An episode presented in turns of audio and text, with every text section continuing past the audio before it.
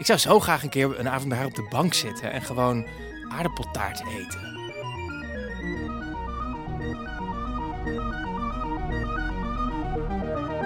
Dit is Radio Merkel.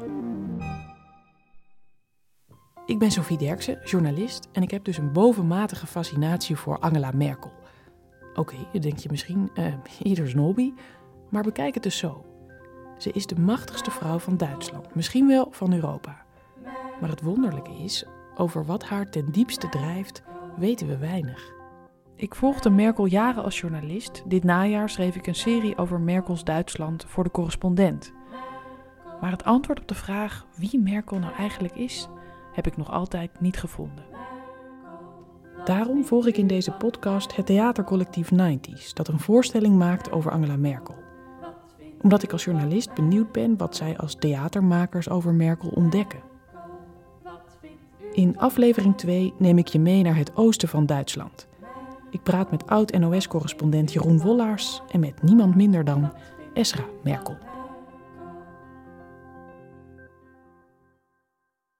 overal waar ik was of waar ik naartoe ging, was het meteen, haha, is dat jouw moeder? Is dat jouw tante? En soms zei ik het ook, bijvoorbeeld in politiecontroles of zo, zei ik, ja, het is mijn tante, pas maar op. Dit is Esra, ze is Duits, dat hoorde je. Ze kwam voor de liefde naar Nederland, ze werkt in de theaterwereld en voor de Merkel-voorstelling van 90s doet ze de publiciteit. Maar ze heet vooral Merkel. Ben je familie? Ja, ik ben eigenlijk een echte Merkel. Want Angela Merkel, die heet eigenlijk Kastner.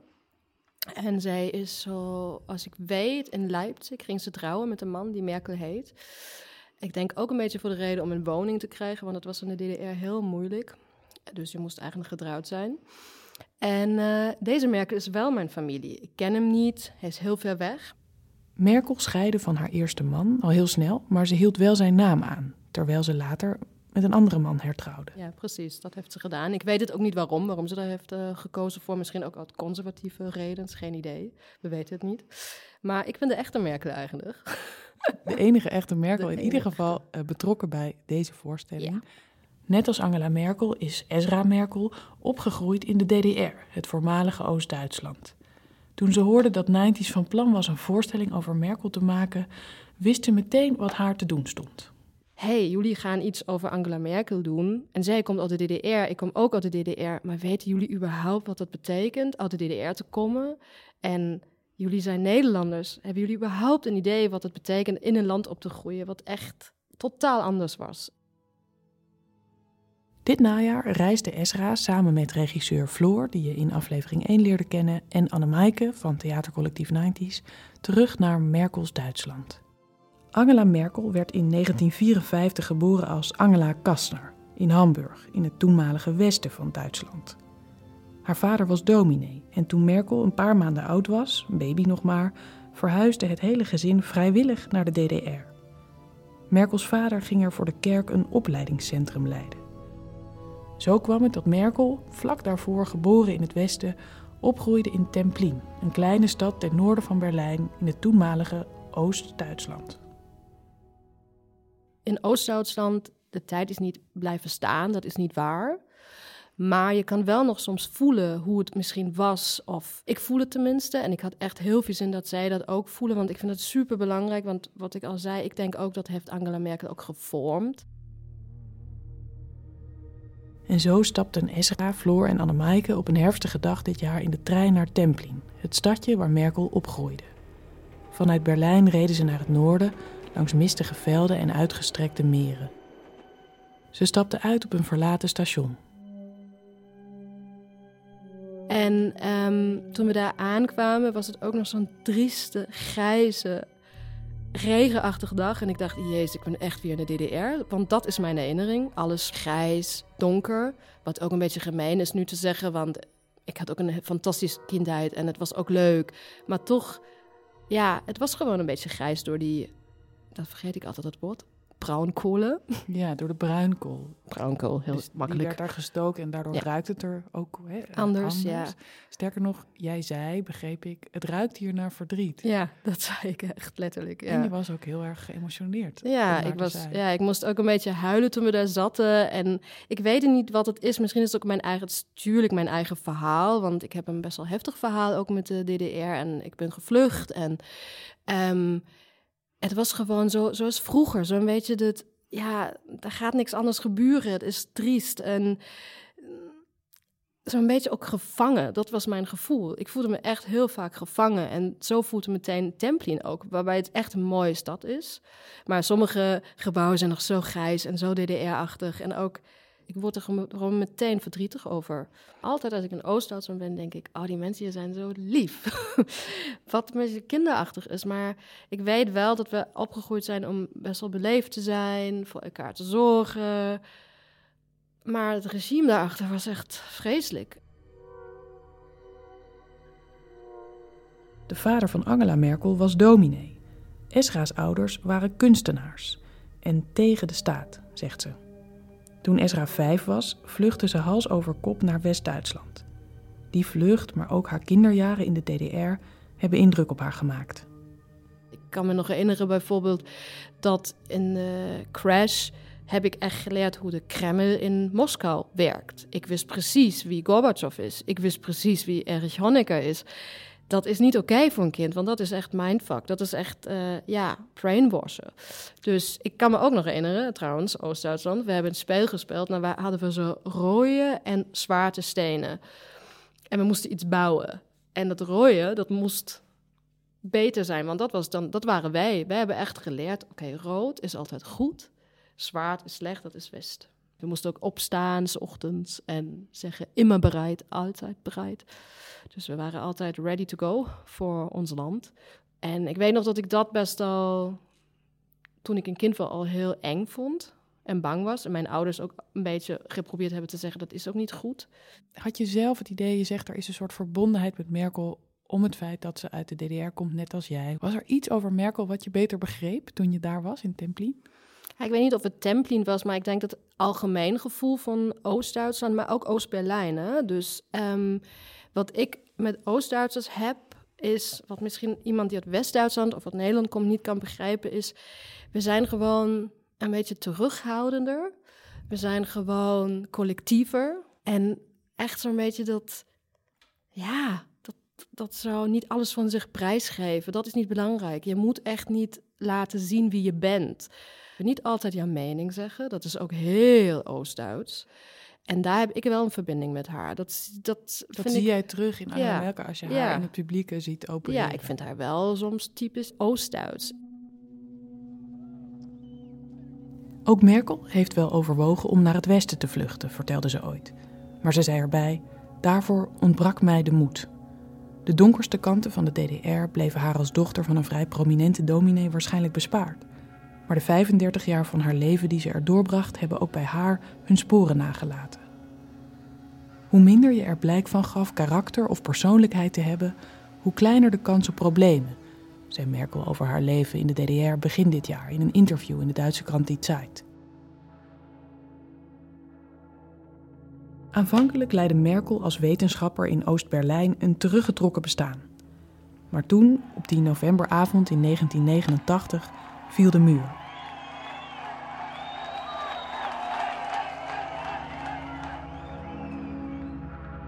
En Merkel nam een beslissing die haar hele leven zou veranderen. Op haar 35ste verruilde ze de wetenschap voor de politiek. Ze sloot zich aan bij een beweging die later in de christendemocratische CDU zou opgaan. De leider van die partij, Helmut Kohl, zag het talent achter haar schuchtere verschijning. Zijn meisje noemde hij haar. Onderschat door iedereen werd Kohls meisje in 2005 de eerste vrouwelijke bondskanselier van Duitsland. Maar ook toen ze al bondskanselier was, werd er nog voortdurend aan haar kunnen getwijfeld. Ik las ooit ergens dat het leek alsof Merkel in die eerste jaren van haar kanselierschap een soort permanent openbaar inburgeringsexamen voor Oost-Duitse vrouwen moest afleggen.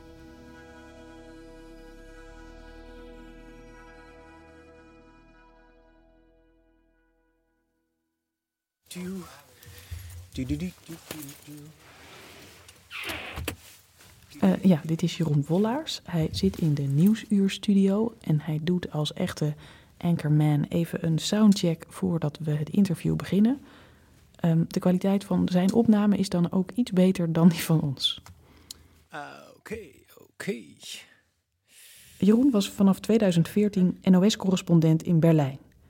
Hoe ziet hij Merkel na al die jaren in Duitsland? Nou, misschien kan ik dat beste uitleggen aan de hand van, van een ontmoeting die ik met haar had. Nou, dat klinkt heel groot, hè, want ik heb haar nooit de hand geschud. Maar ik heb haar natuurlijk vaak gezien um, en met haar in dezelfde ruimte geweest. En één keer was ik uh, met haar in Nederland. Ze kreeg uh, een, uh, een, een, prijs van Willem-Alexander en Maxima uitgereikt.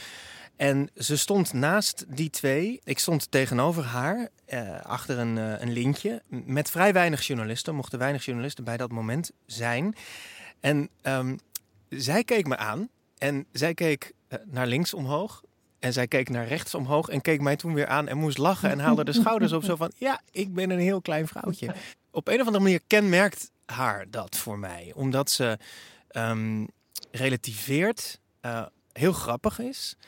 En tegelijkertijd ook ja, een beetje zo die onhandigheid heeft en een beetje die stuursheid. Of ja, je zou het ook lompheid kunnen noemen. Of je zou het ook een beetje Oost-Duitsheid kunnen noemen. Om van zo'n heel officieel moment toch een beetje de, de spanning af te halen. En de geladenheid af te halen. En het opgeblazene af te halen. Wat, ja, wat zo'n zo, zo Willem-Alexander en zijn vrouw met zich meebrengen. En waarom heeft dat met haar Oost-Duitse wortels te maken, wat jou betreft? Ja, kijk, ik, ik, ik heb in mijn tijd in, in Berlijn. Berlijn ligt natuurlijk in het oosten van Duitsland en vlakbij de Poolse grens. En je merkt daar uh, ja, toch een soort stuursheid. En mensen zijn niet heel snel heel blij en heel open en heel toegankelijk. Er zit een soort, ja, toch ook um, een soort Calimero-complex nog in. Zo van, ja, nou ja, wij zijn, hè, wat zijn wij nou helemaal? We moeten een beetje meedoen in de vaart der volkeren, maar we hebben wel een hele geschiedenis. Nou ja, maar oké. Zeg maar, dat, dat gevoel van die underdog, dat zit er bij de Oost-Duitsers toch nog wel in. En dat dacht ik op dat moment bij Merkel ook even te zien. Het interessante is natuurlijk, als het gaat over Merkel als vrouw uit Oost-Duitsland... Um, juist daar zijn veel mensen de afgelopen jaren teleurgesteld geraakt in haar. In alle voormalige Oost-Duitse deelstaten is de frustratie groot.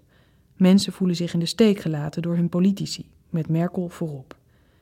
Aan Jeroen vraag ik: ben je die woede in het oosten tijdens jouw correspondentschap nou beter gaan begrijpen? Ja, zeker. Ik denk dat, dat die woede zelfs um, mijn correspondentschap gekenmerkt heeft. Helmoet Kool heeft ze ooit bloeiende landschappen beloofd toen de twee Duitslanden herenigd werden. Er zou werkgelegenheid komen voor iedereen, er zou voldoende geld zijn, vrije tijd, voldoende nou, uh, van alles. En dat kwam er niet, omdat uh, alles wat ze hadden, gratis kinderopvang, werk, dat verdween allemaal. Uh, het onderwijs ging achteruit, mensen die konden, die trokken weg.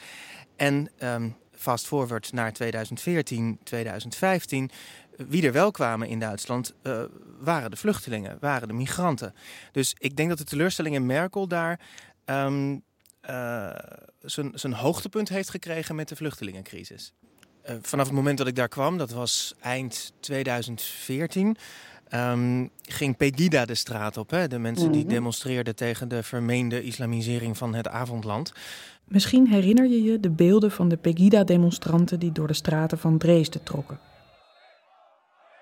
Ze scandeerden: Wij zijn het volk en Merkel moet weg.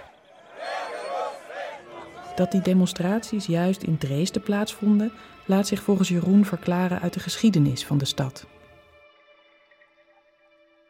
ten tijde van uh, Oost-West lag uh, nou, nog steeds Dresden in een dal. Maar de uh, signalen van de televisiezenders uit het westen die gingen over dat dal heen. Dus in heel Oost-Duitsland kon je um, kennis nemen van het westerse nieuws en de westerse televisie. Behalve daar. Dus in dat gebied Um, dat dus het taal der aanhongslozen wordt genoemd, omdat die mensen geen contact hadden ten tijde van het communisme met het Westen, even heel grof geschetst, um, leefden en leven mensen die ja, de zegeningen van, van uh, de eenwording, um, en dan zeg ik het heel voorzichtig, niet gemerkt hebben.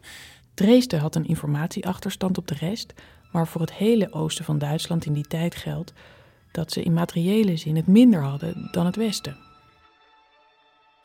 De, DDR verdween, het werd één Duitsland. En de politiek van het, het Westen werd ook de politiek van het Oosten. Daar hebben die mensen geen ja of nee tegen kunnen zeggen. Dat gebeurde gewoon.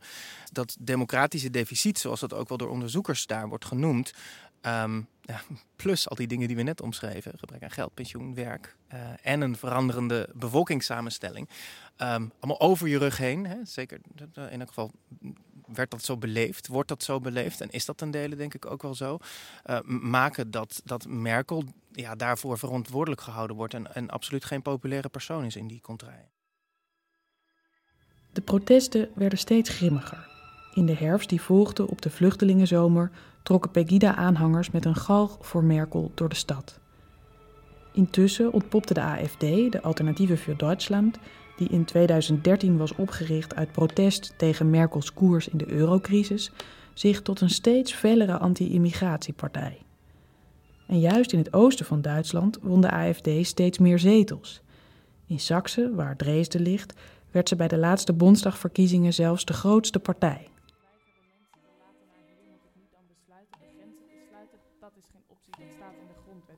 Optie afsluiten is uitgesloten. Mijn gut feeling zegt, laat ze maar komen. De meesten in Duitsland begrijpen gevoelens van vluchten, van gaan dan... Over dat weerschaffendas. Jij zat in de zaal toen Merkel die persconferentie gaf. Er is natuurlijk heel veel over gesproken, ook door de makers van deze voorstelling. En Floor, de regisseur van de voorstelling, vraagt zich af... was het nou idealisme of vooral pragmatisme om de grenzen niet dicht te doen? Hoe heb jij daarnaar gekeken? Nou, ik vond het eigenlijk toen een, een heel dapper moment. Omdat ze eigenlijk een oproep deed aan, aan haar bevolking. Waarbij ze zei: Jongens, we kunnen zoveel, dit kunnen we ook nog wel. En pas later ben, ben ook ik gaan denken: wat, wat gebeurde daar nou? Kijk, mijn herinnering aan mijn tijd in Duitsland is dat Duitsers graag doen alsof het Ehm, om waarde en om moraliteit gaat.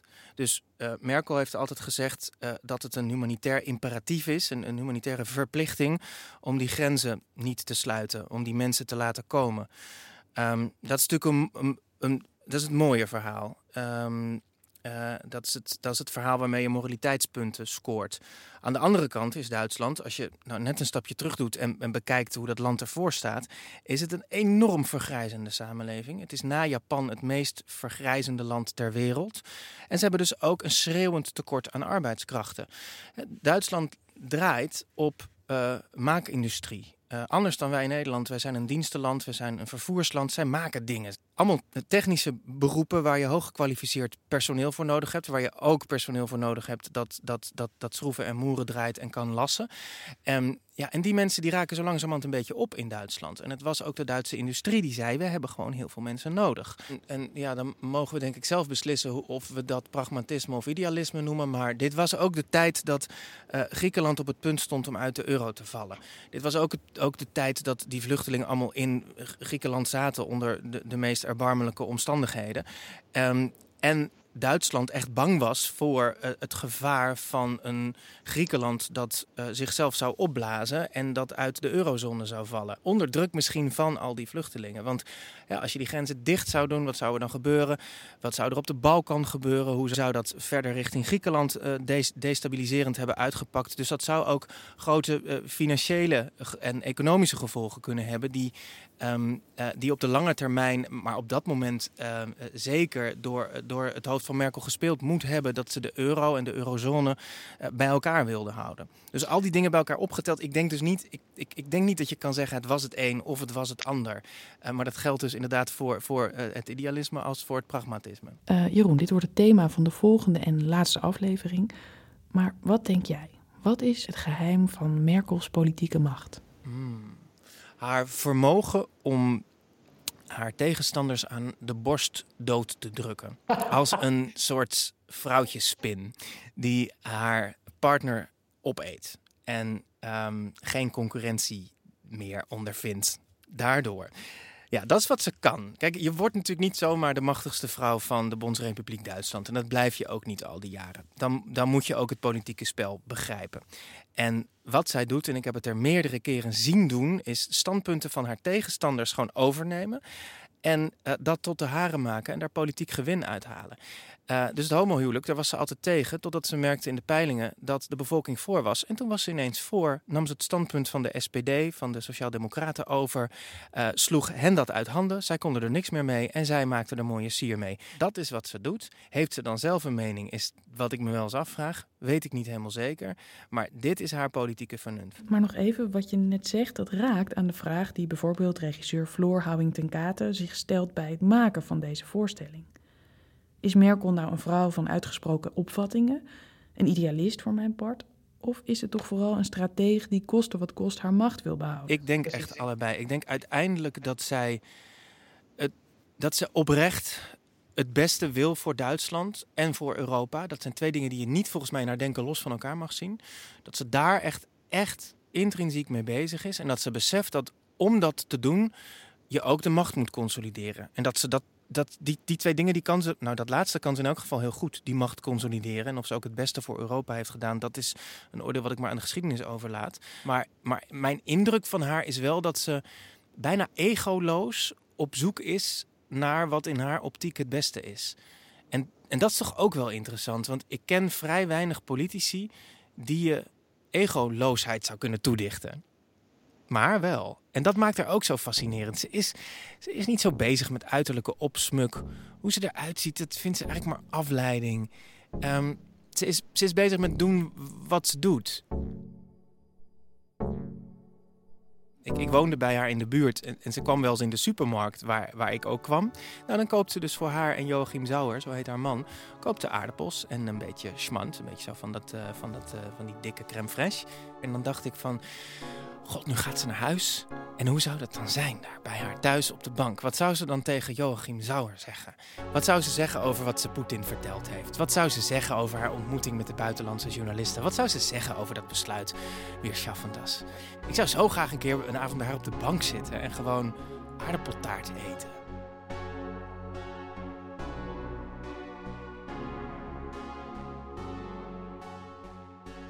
En als je daar op de bank zou zitten, um, welke muziek draait Merkel dan? Of welke muziek welt er nu spontaan in jou op als je aan Merkel denkt? Volgens mij um, iets van Wagner. Um, dat zie ik, dat, dat, dat hoor ik dan wel zo voor me. En dan moest ik ook denken aan, ken je, ken je die tekenfilmserie over, over The Cowardly Dog? Daarin zit een personage, dat lijkt een beetje op Merkel. Muriel heet ze. Um, en Muriel die wordt op een gegeven moment verliefd op de gansgod, Goose God. En de Goose God die speelt muziek van Wagner. En, en misschien is dit mijn associatie muzikaal gezien met Merkel. Merkel verliefd geworden op, een, op, op, op, op de Goose God, uh, luisterend naar Wagner. Denk je dat ik bij mijn verstand ben? Dit was aflevering 2 van Radio Merkel, waarin ik je op zoek naar het mysterie Merkel meenam naar het oosten van Duitsland. Wat Merkel beweegt, je komt er niet achter, zegt ook Ezra. Zou dat dan de erfenis zijn van Merkels opgroeien onder een totalitair regime? Wat Merkel hoe dan ook aan de DDR overhield, was haar lievelingsfilm. Die legende van Paul en Paula. Een prachtig film. Echt een mooie liefdesfilm. Dus Merkel heeft toch een romantische kant. Schijnbaar. Je weet het niet. In de volgende aflevering legt Arnon Grunberg uit waarom hij Merkel het liefst persoonlijk de liefde zou verklaren. Oprecht, ik hou van Merkel. Ik heb ook wel eens gezegd, ik zou best aan Minna willen zijn. En vroeg ik de theatermakers van 90s in het repetitielokaal. Wie maken zij van Merkel op het toneel? Dit was Radio Merkel, een co-productie van Orkater en 90s Productions in samenwerking met radiomakers De Smet.